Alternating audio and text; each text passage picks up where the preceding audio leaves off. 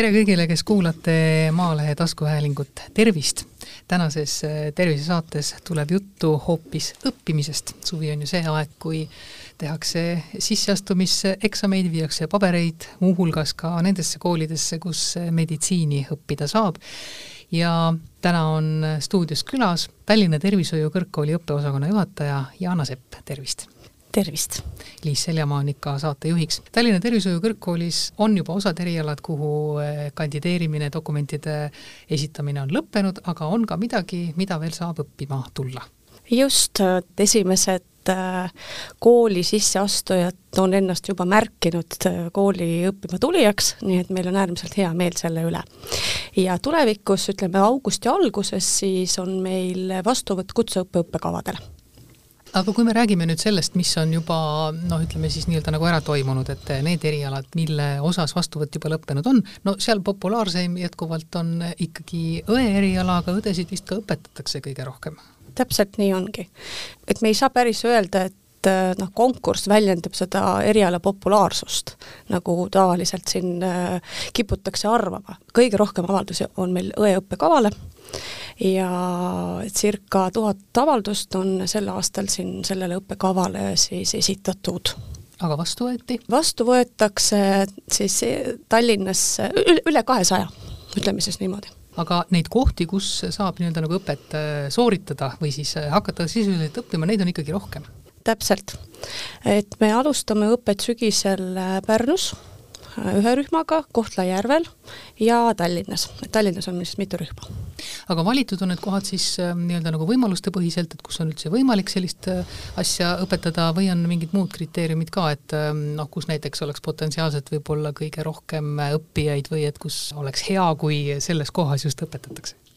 Äh, no üldiselt võib öelda siin selliselt, et eks meil on Eestis omad traditsioonid selle õendusvaldkonna koolitamisel, et kindlasti Tartu kool võtab Lõuna-Eesti ja selle piirkonna ja meie siis Tallinna Tervishoiu Kõrgkool äh, võtab siis Lääne, Ida ja Tallinn, Eestis Põhja-Eesti regiooni ja see on selles mõttes ka hea, et tõesti, kui noh, näiteks äh, keegi äh, sealt Ida-Virumaalt või Virumaalt üldse tahaks õppida, aga kuidagimoodi ei ole võimalik Tallinnasse õppima minna, et siis äh, on see natukene nagu kodule lähemal. Absoluutselt, on ikka jah, et Ida-Virumaa on meie jaoks üks oluline koht ja sel aastal me isegi suurendame vastuvõetavate õppurite arvu sinna ja panustame kindlasti Ida-Virumaa meditsiini- ja tervishoiu valdkonna haridusse no kui me räägime sellest vajadusest, noh, nimetasite, et äh, Tallinn-Tartu koolitavad, minu meelest vähemalt kümme-viisteist aastat on räägitud sellest, et peaks rohkem koolitama. Seda küll, et see, see teema on aeg-ajalt järjekordselt meil meedias ja igal pool üleval. Äh, meie oleme igal juhul valmis äh, riiklikku tellimust rahuldama, kahe koolina siis nii Tartu kui Tallinn. Ja kõik on ikkagi sealmaal, et äh, üks, üks pool on siis praktikakohad, teine pool on rahastus, et ja muud moodi meie noh, siin kohas ei saagi mitte kuidagi teisiti läheneda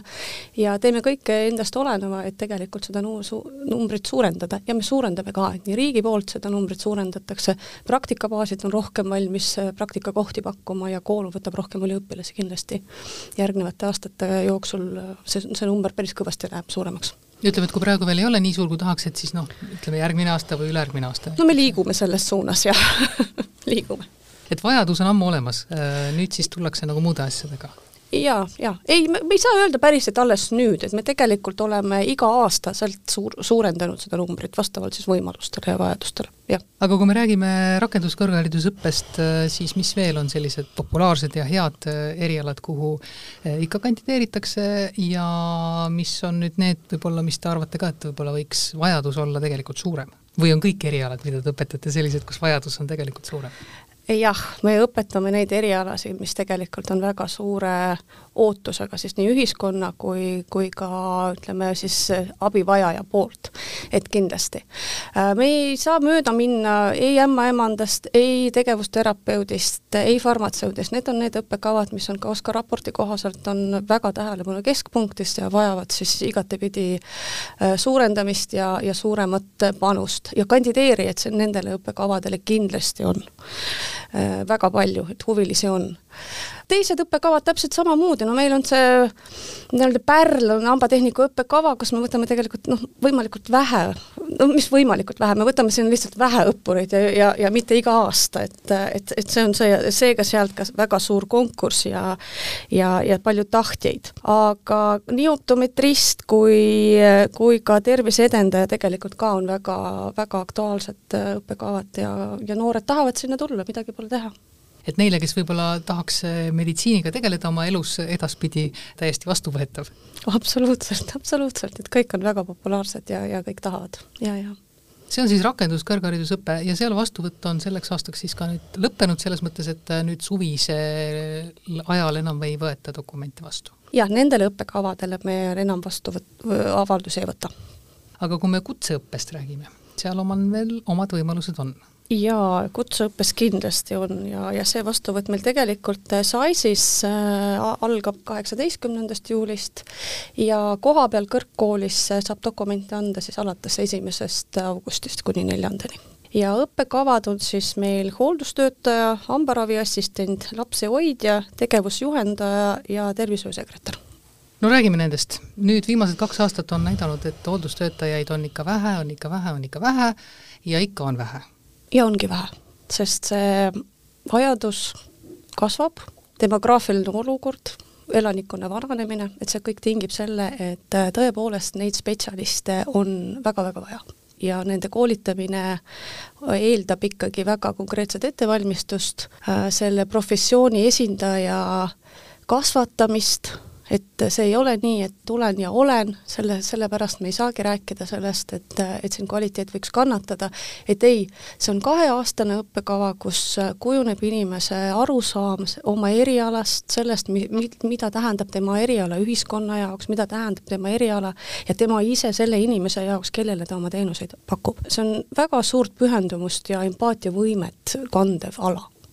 no me oleme näinud siin viimase kahe aasta jooksul, et tegelikult mis puudutab just hooldustöötajaid, et siis hädasunnil võeti tööle või, või siis selle hooldustööd tegema ka neid inimesi, kes võib-olla üldse ei olnud varem sellega kokku puutunud. no muidugi mitte niimoodi, et ainult nemad tegutsesidki, aga siiski, see ei ole päris õige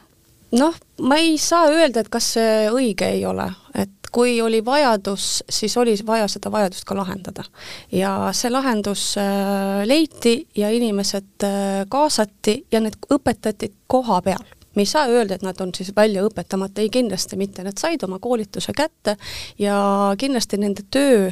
oli korraldatud selliselt, et nende eest, ütleme, nende eestvedajateks olid välja koolitatud spetsialistid, et seega see ei ole päris nii võib-olla, kui ta siin tundub. aga me näeme täna seda, et, et väga populaarne on samade tööandjate juures toimiv töökohapõhine õpe, kus needsamased inimesed, kes on tulnud tööle nüüd ütleme, nende pandeemia valguses, on jäänud valdkonda, tahavad seda teha ja nendel on ka võimalus töökohapõhiselt seda ala õppida, et meil tegelikult me neid võimalusi pakume koos tööandjatega ja see on väga-väga hea võimalus nendele, kes, kes tegelikult tahavad hooldustöötajaks saada kas seda ka kasutatakse, seda võimalust siis? väga, väga palju, seal on väga palju huvilisi ja tööandjate ko koostöös me koolitame neid spetsialiste koha peal tööandjate juures et nii-öelda nagu vajaduspõhiselt äh, võis ka olla, et inimesed leidsid noh, oma kutsumuse siis näiteks või? absoluutselt, absoluutselt. ja ka hooldustöötajaid õpetatakse mitmes kohas ja õpetatakse ka mitmes keeles jah, et äh, nagu ma juba mainisin, et meil on äh, töökohapõhine õpe, ehk siis see on tööandjate juures toimuv äh, väljaõpe, kus siis kaasatakse nii praktikakoha siis nii-öelda juhendajad, kes õpetavad koha peal, ja ka meie kooliõpetajad. ja tegelikult on kaks koolipõhist varianti, ehk siis Tallinn ja Kohtla-Järve ja Kohtla-Järvel me koolitame vene keeles et seal on Ida-Virumaal on äh, vajadus endiselt pakkuda seda koolitust väljaõpet vene keeles ja seda me ka teeme. aga võib-olla oleks ka Tallinnas vene keeles äh, omad äh, ütleme, plussid? lähtume tööandjate vajadustest ja siiani me ei ole sellist sisendit endale saanud, seega proovime ikkagi jätkata eesti keelega kas need, kes on hooldustööga juba kokku puutunud, et nende jaoks algab õpe ikkagi ka noh, ütleme algusest peale, et kui nad tulevad ja ütlevad, et oi, aga ma juba olen näiteks töötanud seal noh, mingisugune aasta või, või pool või poolteist, eks ole, et ikkagi nende õpe kestab kaks aastat, selleks, et saada diplomit? Väga erinevalt, et äh, kindlasti me rakendame individuaalset lähenemist ja õppuril on alati võimalus kasutada võtat, ehk siis varasemaid õppekogemusi või töökogemust ja üle kanda neid erialasid ja neid teadmisi, pädevusi, mida nad tegelikult juba omavad. Kindlasti me oleme seda teinud ja sellisel juhul äh, me võime rääkida ka sellest, et õpe võib olla lühendatud versioonis aga kui me räägime ikkagi konkreetsetest, noh, need on väga individuaalsed ja spetsiifilised juhtumid. et aga reeglina koolipõhises vormis on ikkagi õpe on kaks aastat kutseõppe juures äh, me räägime veel hambaravi assistentide õppest, lapsehoidjate õppest, äh, siis õpetatakse veel tegevusjuhendajaid ja ka tervishoiusekretäri. no võib ju küsida ka, ehkki lapsehoidjaid õpetatakse meil ka koolides äh, juba täitsa pikka aega, et no kas lapsehoidjaks siis peab ka nüüd õppima ja mida see annab? Kindlasti peab ja viimaste aastate, ütleme, õppekava muutmise üheks oluliseks aspektiks on äh, vaimne tervis. ja me õpetame oma spetsialiste toime tulema lastega, kellel võivad esineda vaimse tervise probleemid et nad saaksid hakkama, et nad saaksid toetada selle väikse isiksuse arengut tema just kõige olulisemal elu algusetapil. ja seega siin peab lähtuma ikkagi sellest seisukohast, et inimene, kes töötab äh, eriti lastega, mitte ainult teiste inimestega, vaid lastega, eriti lastega, peavad olema koolitatud ja välja õppinud ja peab, peavad teadma, mida nad teevad ja kuidas nad peavad neid asju tegema no väga pikk see praktika ei ole ka õppimise osas, nii et neid spetsialiste ka meil väga palju ei ole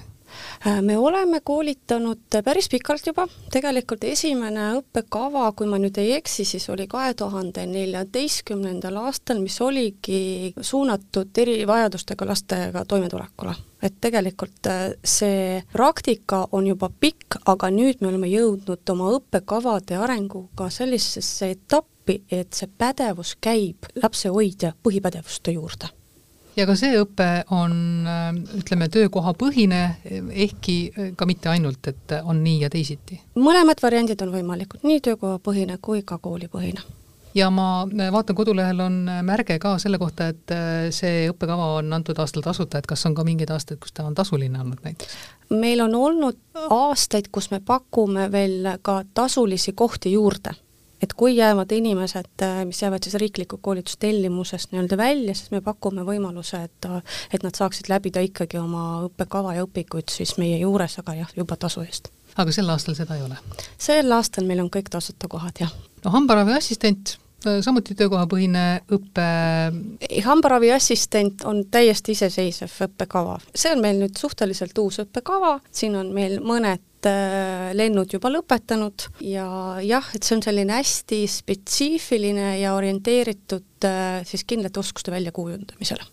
ja koostöös siis äh, praktikutega me seda õppekava siis teeme. ja kas see on samamoodi populaarne? jaa, see on väga populaarne õppekava, just, just riigi poolt äh, teatud õppekavadel on võimalik saada ka õppetoetust, äh, antud juhul küll ainult Tallinnas eesti keeles õppides äh, siis ühel sellel hooldustöötaja õppekaval sellel aastal, et kui keegi mõtleb ka selle peale, aga põhimõtteliselt on Tervishoiu Kõrgkool ja Töötukassa siis teinud rohkemate õppekavade puhul sellist koostööd, et on siis teatud stipendium ette nähtud õppimise juures?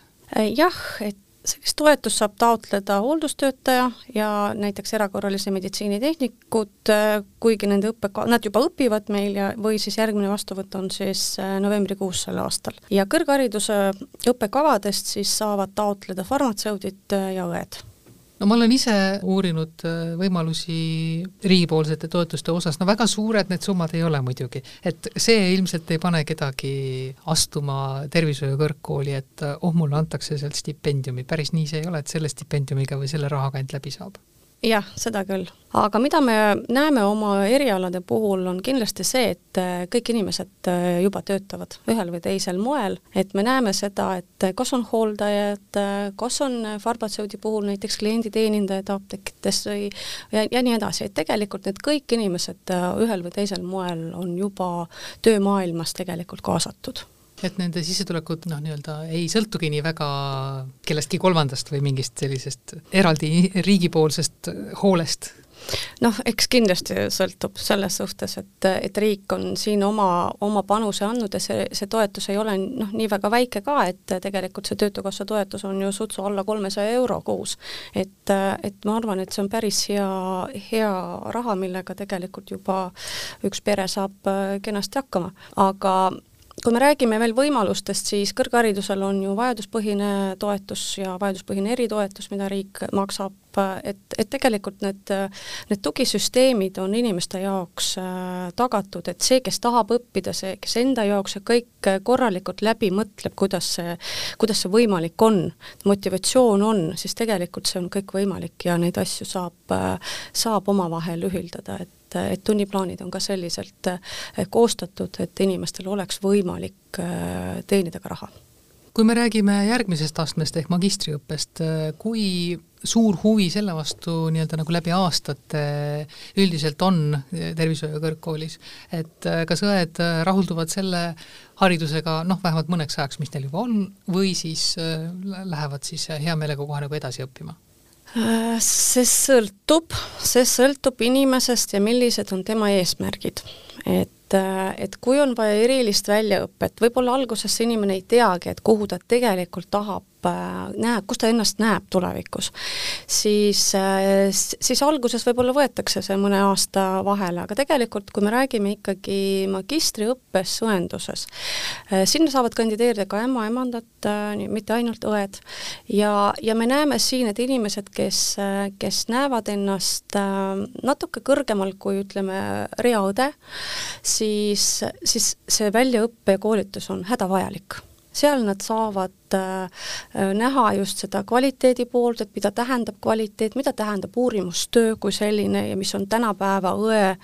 ütleme siis hädavajalik arusaam, et, et teha otsuseid, langetada otsuseid, et see tõenduspõhisus, oskus lugeda kaasaegset ja, ja tõenduspõhist äh, materjali, see on, see, see on just sealt, et, et sealt me näeme neid, seda järelkasvu, kes siis, kes siis tegelikult arendavad valdkonda ja,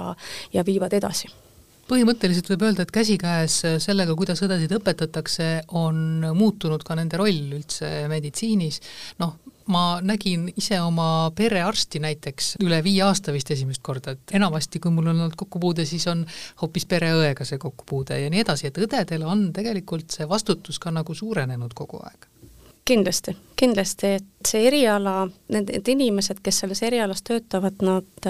nad arenevad, nad näevad, et see profiil, mis võib-olla oli kunagi, enam ei rahulda neid, ühiskonna vajadused on hoopis teised ja, ja siis vastavalt sellele liigub ka, ka see haridustee. ja kogu maailm tegelikult ju liigub selles suunas, et,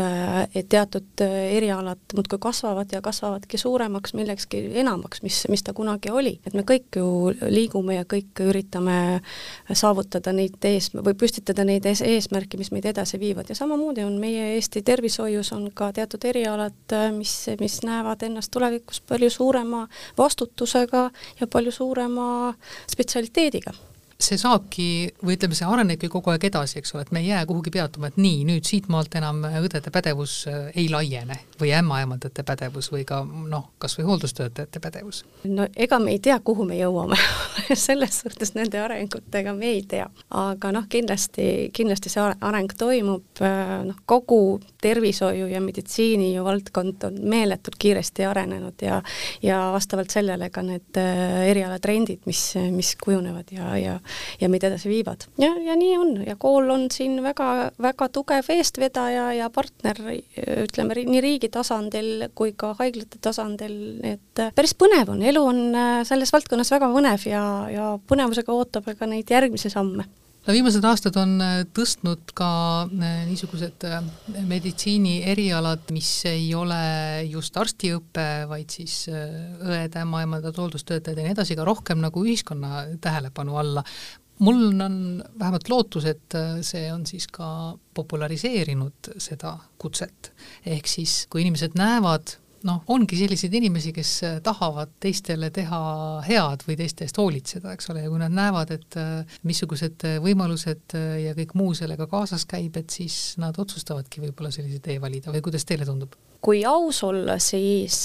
tervishoiu valdkond on olnud alati väga populaarne võib-olla täna sellise jätkusuutliku hariduse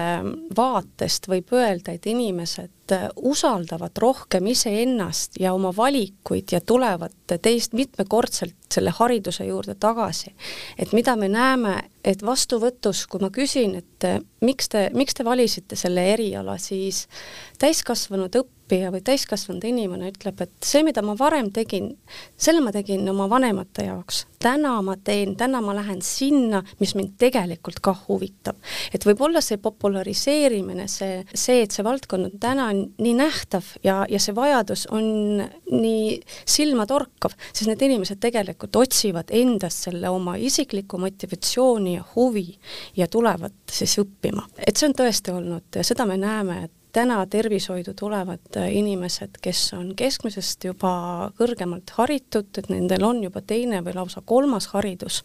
ja, ja nad tahavad siis panustada ja tahavad olla ühiskonnale kasulikud ja kasulikud ka teistele inimestele. et see sotsiaalne vastutus on tegelikult hästi tugev ja tulevad ka tagasi, ehk siis seda on muidugi tehtud ka juba natukene pikemat aega, et äh, kutsuda äh, sellele tööle tagasi need, kes võib-olla kunagi on õppinud, noh võib-olla nad ei ole oma õpet lõpetanud, on jäänud mingil põhjusel pooleli, aga et ehk siis nüüd võib-olla on aeg see lõpetada või siis värskendada oma teadmisi ja uuesti sellel,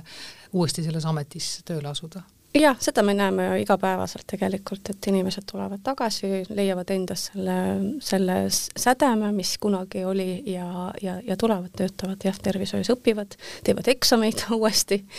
käivad selle kadalipu läbi ja siis saavad tervishoiutöötajate registrisse ja õiguse siis töötada tervishoiu valdkonnas. jaa, sest ega see ei ole ka mitte niisama, et õpin ja kõik äh, tants ja trall ja